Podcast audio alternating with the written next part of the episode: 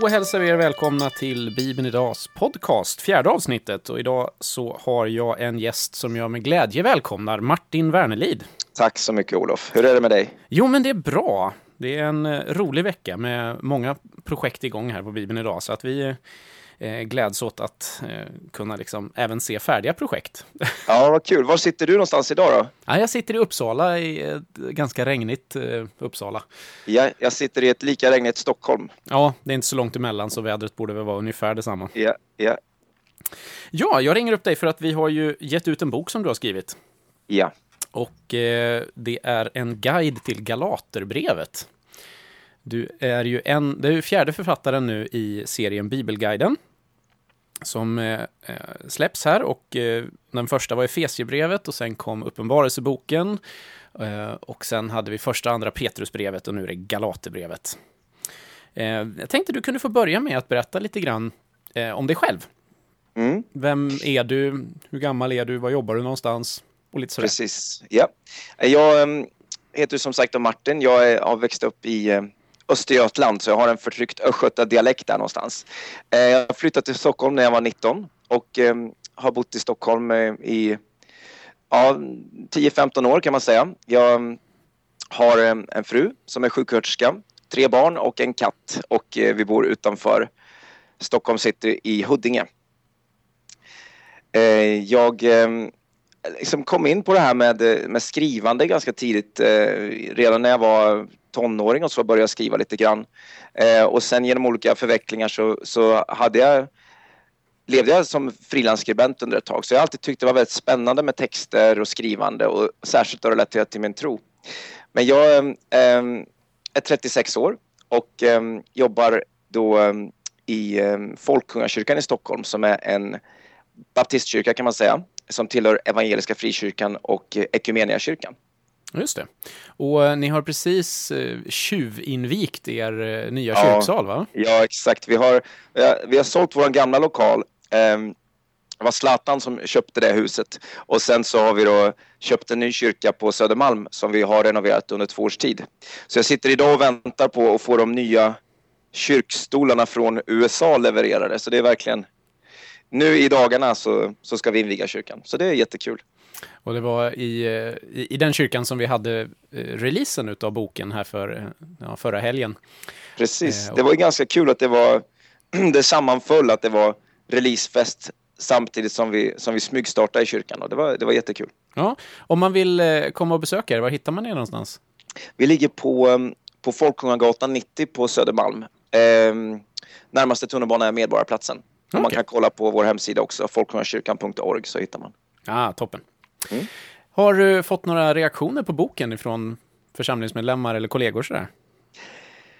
Ja, det har jag. Alltså, jag, jag tror att eh, många tyckte att, ehm, att alltså, det är väldigt kul att ehm, eh, bara få fördjupa sig inom en specifik bok i Bibeln på det här sättet och att det här formatet också, det är ju en väldigt tunn bok och ehm, ehm, jag tror att det, det hjälper människor att starta och läsa Bibeln. Att det inte är allt för mastigt material utan det, det blir just en guide, en inledning till Galaterbrevet i det här fallet. Och så att, eh, ja, folk har börjat läsa lite grann. Jag fick någon hälsning idag. En kille som, eh, som hade skärmdumpat boken och sitter och läser under dagen. Eh, så att de skulle också använda den ikväll i någon, i någon bönegrupp och så här. Så att jag, jag tror att folk börjar läsa den och att formatet tror jag är ganska tilltalande ändå. Mm, ja, det är det vi hoppas med serien, att det just ska vara för vanliga kristna, om vi säger så, i, i församlingen, att man ska kunna fördjupa sig. så. Mm. Eh, du har ju skrivit på den här ett tag och eh, vi ska prata lite om boken och hur det har varit att skriva och sådär. Vad- Tycker du att det är någon stor skillnad att skriva frilansjournalistik som du ändå har sysslat med tidigare och skriva just en bibelguide? Ja. Alltså det som jag tycker har varit väldigt eh, roligt med det här projektet då, det är att det har varit väldigt tydliga riktlinjer eh, och vi har haft en väldigt bra kommunikation då med, eh, mellan mig och Bibeln idag. Alltså att vi, har- vi har haft en, eh, en väldigt enad bild av hur eh, slutresultatet ska se ut ungefär. Så det, det har varit väldigt tryggt att jobba ihop med Bibeln idag tycker jag. Ja, okej. Ja, det var roligt att höra. Vad, vad tycker du har varit svårast då? För vi märker att olika författare har eh, liksom haft svårt för olika delar. Tanken med serien är ju att man både ska ge en ingång in i texten för att förstå eh, sammanhanget den är skriven i och så, men också en utgång ur texten till vår vardag.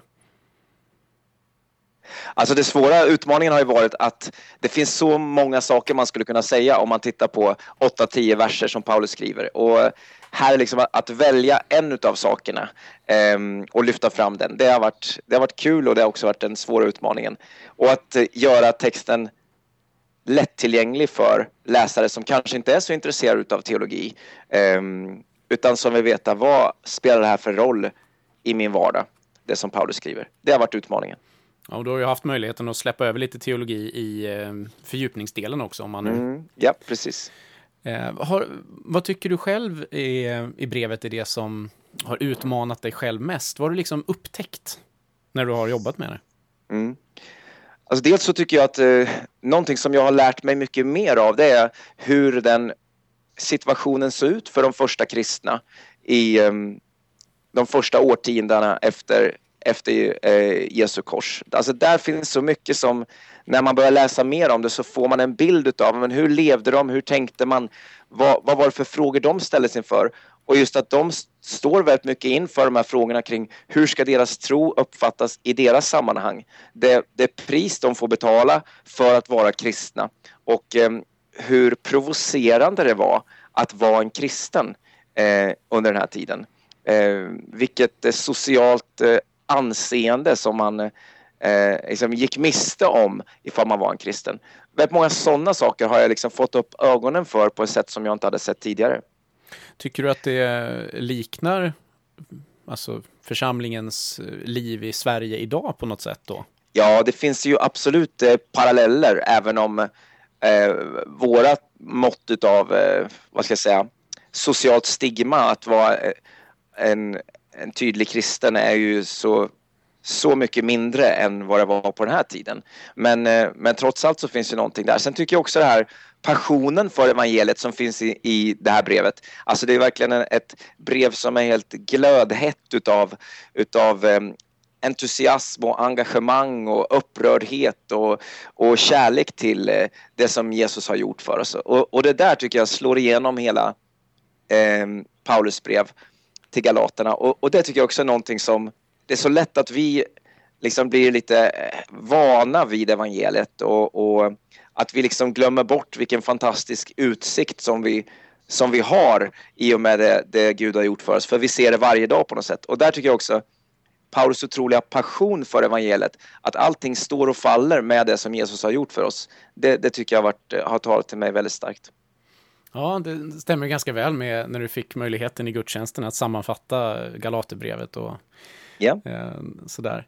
Vad, mm. Alltså, Paulus är ju en, en väldigt central, eh, onekligen, person i kyrkohistorien och, och mm. ja, möter många som tycker att Paulus är lite besvärlig. Ja. Eh, vad, vad, skulle du säga, vad, vad, får du för känslor för Paulus just utifrån Galaterbrevet? För det är ju mm. troligtvis ett av hans tidigaste brev, ja. eh, kanske ja. det tidigaste, eh, lite beroende på vilken hypotes man går ja. på. Men ja. va, va, va, om du känner på Paulus, du känner passionen, säger du. Liksom. Ja. Men vad, vad ser du för person?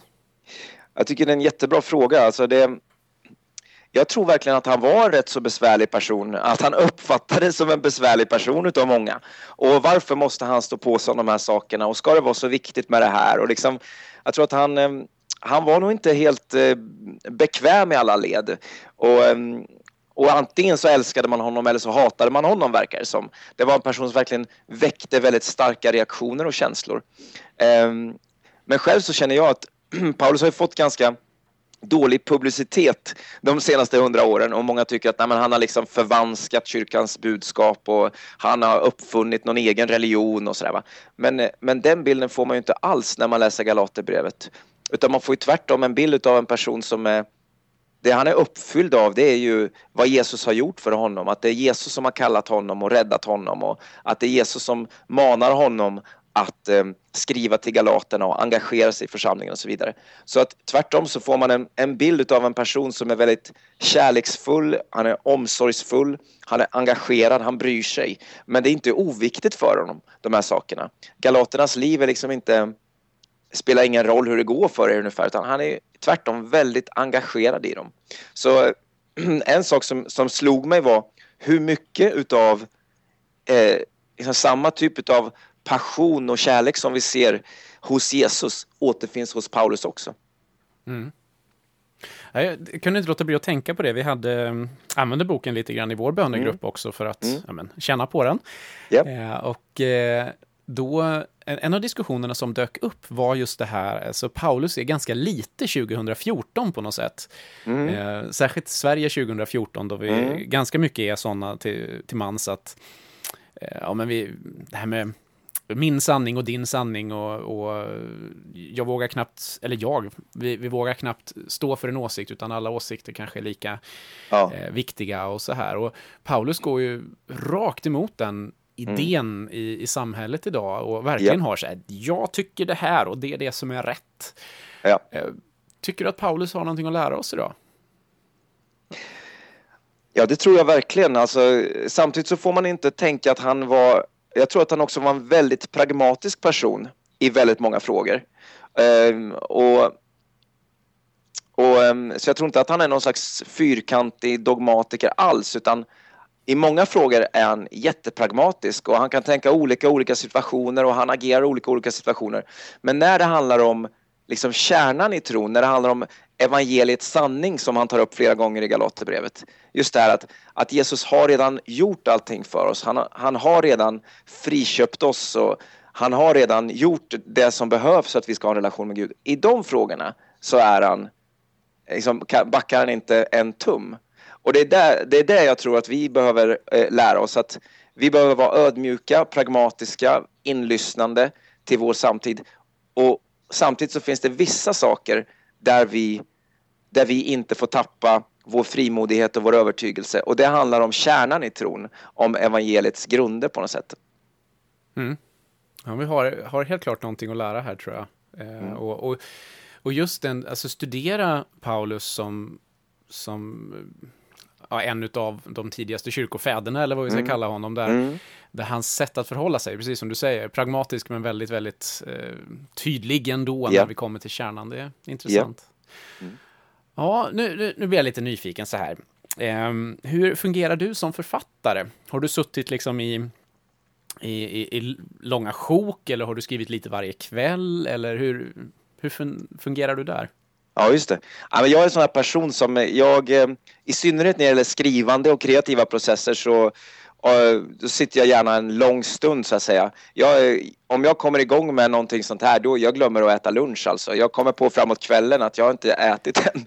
så att jag, jag blir väldigt uppslukad av eh, att jobba med texter och, och, och idéer på det här sättet. Jag tycker det är jätteroligt. Så att för mig är det, jag har framförallt försökt att sitta eh, färre tillfällen men eh, sitta lite längre och, och, jobba med texten. Har du eh, liksom plågat din, eh, din, eh, vad ska jag säga, plågat, men eh, diskuterat sakerna med din fru och din församling och sådär också, eller? Dykt upp överallt? Ja, nej, jag vet inte. Jag, jag har nog, det har nog varit någonting som jag har gjort väldigt mycket eh, på min fritid så att säga. Så jag har ju levt med den här texten, med de här texterna liksom vers för vers verkligen under ett år. Eh, men eh, det har nog varit väldigt mycket en, en enskild kreativ process faktiskt. Mm. Om du skulle vilja ge råd till, ja men, vi har lyssnare som, som sitter och funderar kring det här med bibelläsning och mm. är lite sugna på att verkligen komma in i en text och blir så glada när de hör dig prata om Paulus och att du mm. nästan lärt känna Paulus under ja. den här processen. Vad, yeah. vad skulle du säga, vad ska man göra? Hur ska man komma in i Bibeln på det sättet? Mer än att bara läsa, vad ska jag säga, ett, eh, den, den, vanliga metoden kanske är att sitta ner en morgon eller kväll och mm. läsa ett kapitel och en, kanske en kommentar till. Vad, ja. vad skulle du säga är bästa sättet?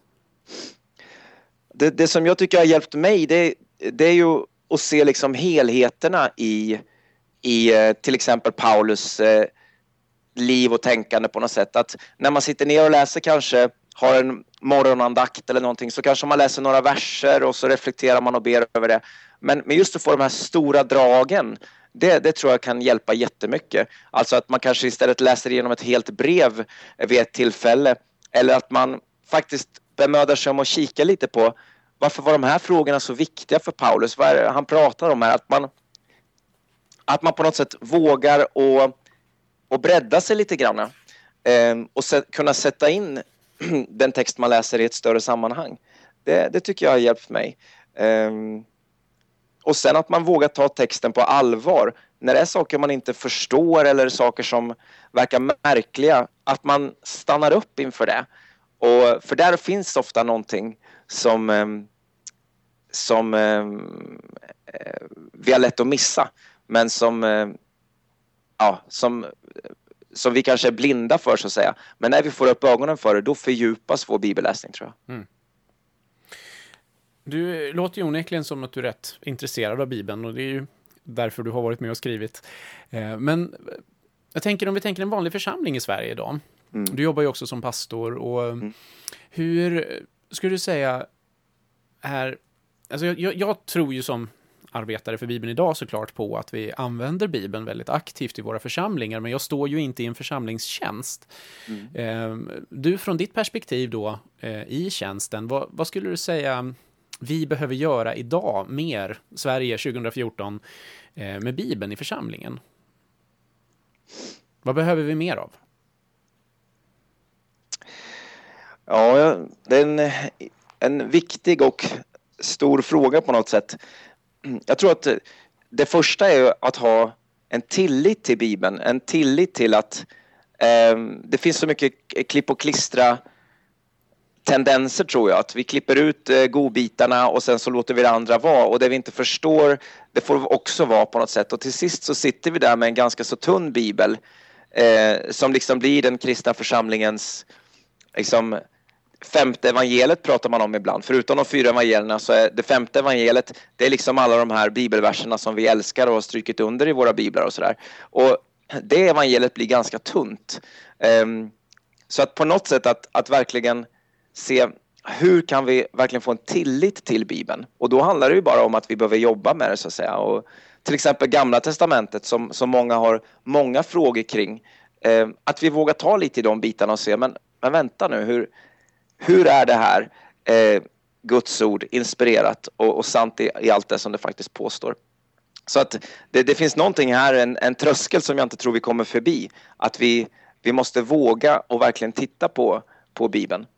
Um, och sen tror jag mycket av det, det, som sker i, i mindre grupper, i bönegrupper eller cellgrupper eller vad man kallar dem, um, att, att man vågar lyfta fram bibeltexten och diskutera och be över det. Um, och, och, också då i, i gudstjänstsammanhang, där är ett jättestort ansvar för förkunnare givetvis. Att hur, hur lyfter vi fram, hur gör vi kopplingar så att människor ser att Bibeln är verkligen relevant, den, den berör mitt liv. Och där, kan, där behövs ju ett stort arbete för, för att nå dit väldigt ofta. Mm. Ja, det kan jag hålla med om. Det, ja. Förkunnaren har en, en, en, väldigt viktig roll och där ja. eh, jag kan tycka bara under den livstid jag har, som inte är så jättelång ändå, eh, att Bibeln har tappat lite i, ja. eh, vad ska jag säga, tappat lite i, relevans även hos predikanterna. Att man inte mm. riktigt... Man, många gånger utgår man från en text men kommer kanske aldrig åter till den. Mm, mm. Så. Eh, ja. Du nämner, när du pratar om det, eh, så nämner du eh, alltså en tillit till Bibeln, eh, relevansen och så vidare. Men du pratar också sådär att, eh, vi, att, att man ber och arbetar med texten. Mm. Eh, vill du fördjupa den tanken lite grann? Vad, vad är det vad är det man ska be över? Varför ska man be? Eh, räcker det inte med det egna huvudet och en kommentar? Mm, just det.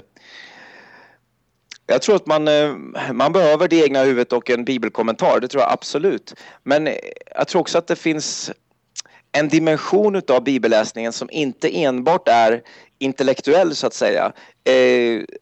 Vi är skolade i att, att ställa analytiska frågor till en text och det behöver vi också göra. Men det är inte, det är inte hela bibelläsningen utan det finns också någonting i att jag säger att de här orden litar jag på. Jag förstår dem delvis, kanske inte fullt ut.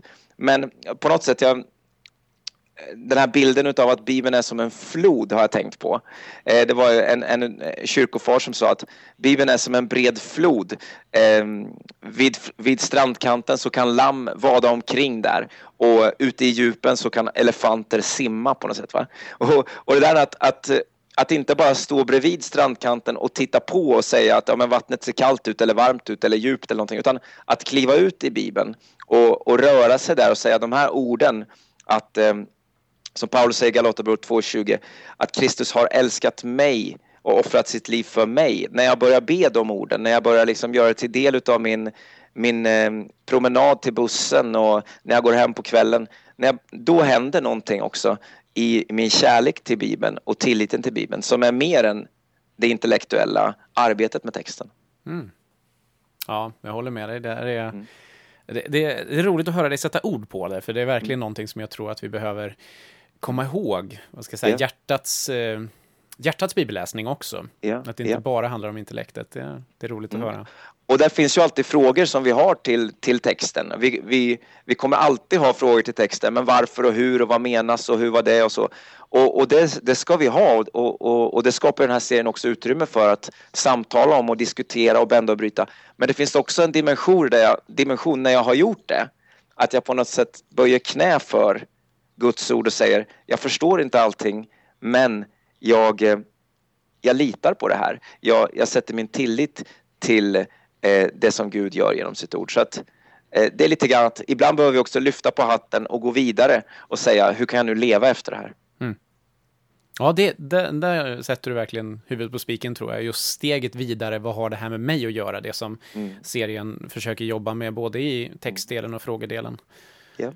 Hur, eh, jag är lite nyfiken, du, du är ju en kreativ människa och arbetar med text och kanske andra kreativa uttryckssätt också. Vad, Eh, om du skulle få välja någon bok nu, förutom Bibeln då såklart, eh, som har format dig eller som är, som det här är verkligen en, boken som jag skulle vilja ge som första läs, lästips till, till lyssnarna. Vad, vad skulle du rekommendera? Vad har du för liksom?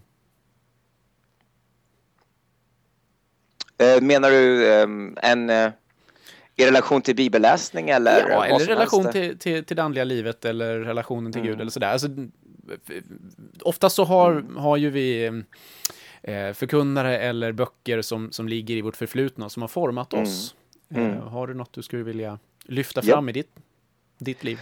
Ja, alltså jag är, till, till att börja med så ska du veta hur svår frågan är eftersom jag är en manisk bokälskare. Jag, mina föräldrar hade en bokhandel när jag växte upp och liksom, jag, jag, jag har växt upp bland böcker på något sätt. Så att, eh, men jag menar, min egen resa har ju varit mycket genom C.S. Lewis skrivande, den brittiska liksom, fåran av kristendomen.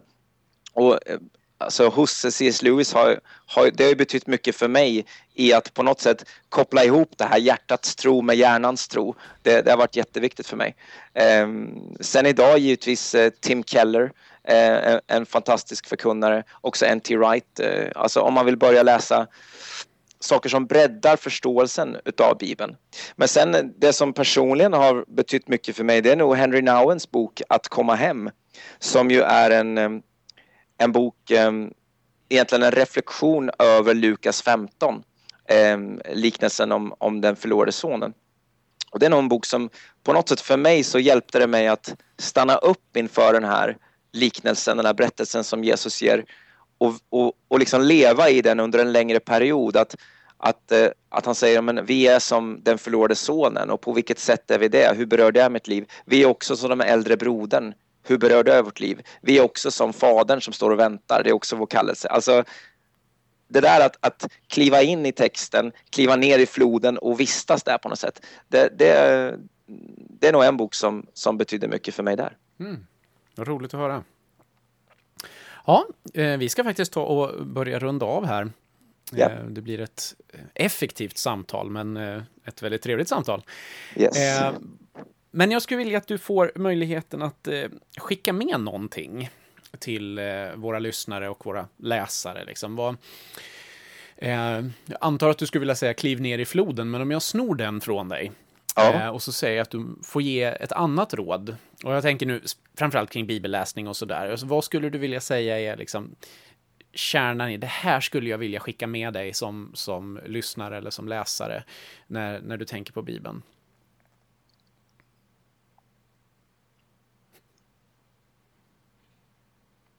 Svår fråga, säg. Ja, det är en svår fråga.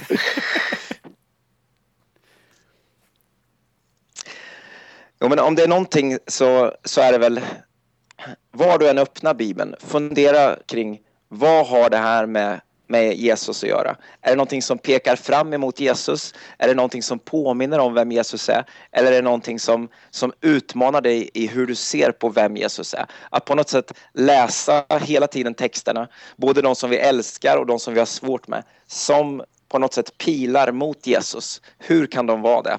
Ehm, det är väl en, en nyckel som jag skulle vilja skicka med i så fall. Mm. Det tackar vi för. Ja. I så fall så um, säger vi tack till dig Martin för att du tog dig tid att vara med Ja, här. tack själv Olof. Eh, Och för att du har tagit dig tiden att skriva framför allt. Vi har ju fått Ja. en eh, fantastisk bok. Eh, Jag har ju hunnit läsa den i, både i förväg och i efterhand. Ja, ja vad kul. Så det är väldigt roligt att kunna rekommendera den till människor nu. Ja, tusen tack. Nu får du gå ut i regnet igen Ja. i Uppsala. Tack du. Jag tror jag ska hålla minne ett tag och packa och skicka lite böcker. Det är bra. Tusen tack. Ja, tusen tack. Ja, och eh, bra. ni lyssnare, ni får eh, chansen igen om några veckor då vi eh, tar och kastar oss ut i nästa intervju. Som ni märker så kommer sändningarna lite oregelbundet och det beror ju på när vi har möjlighet att ta intervjuer och när vi kan träffa människor som vi ska intervjua. Magnus, som är normalt sett den som ska vara med i sändningen, han har ju tyvärr Eh, varit sjuk eh, och kunde inte vara med idag. Han tyckte att kräkas i direktsändning lät inte så trevligt, så att, eh, eh vi godkänner att han är hemma och kryar på sig. Vill du eh, prenumerera på podcasten så finns den på iTunes, den finns på Soundcloud eh, och den finns via vår hemsida. Och annars är du varmt välkommen att eh, beställa boken och läsa den och glädjas med Martin om Paulus passion för evangeliet. Så får har ni bra, en bra dag eller en bra kväll eller när du nu lyssnar. Tack för att du var med.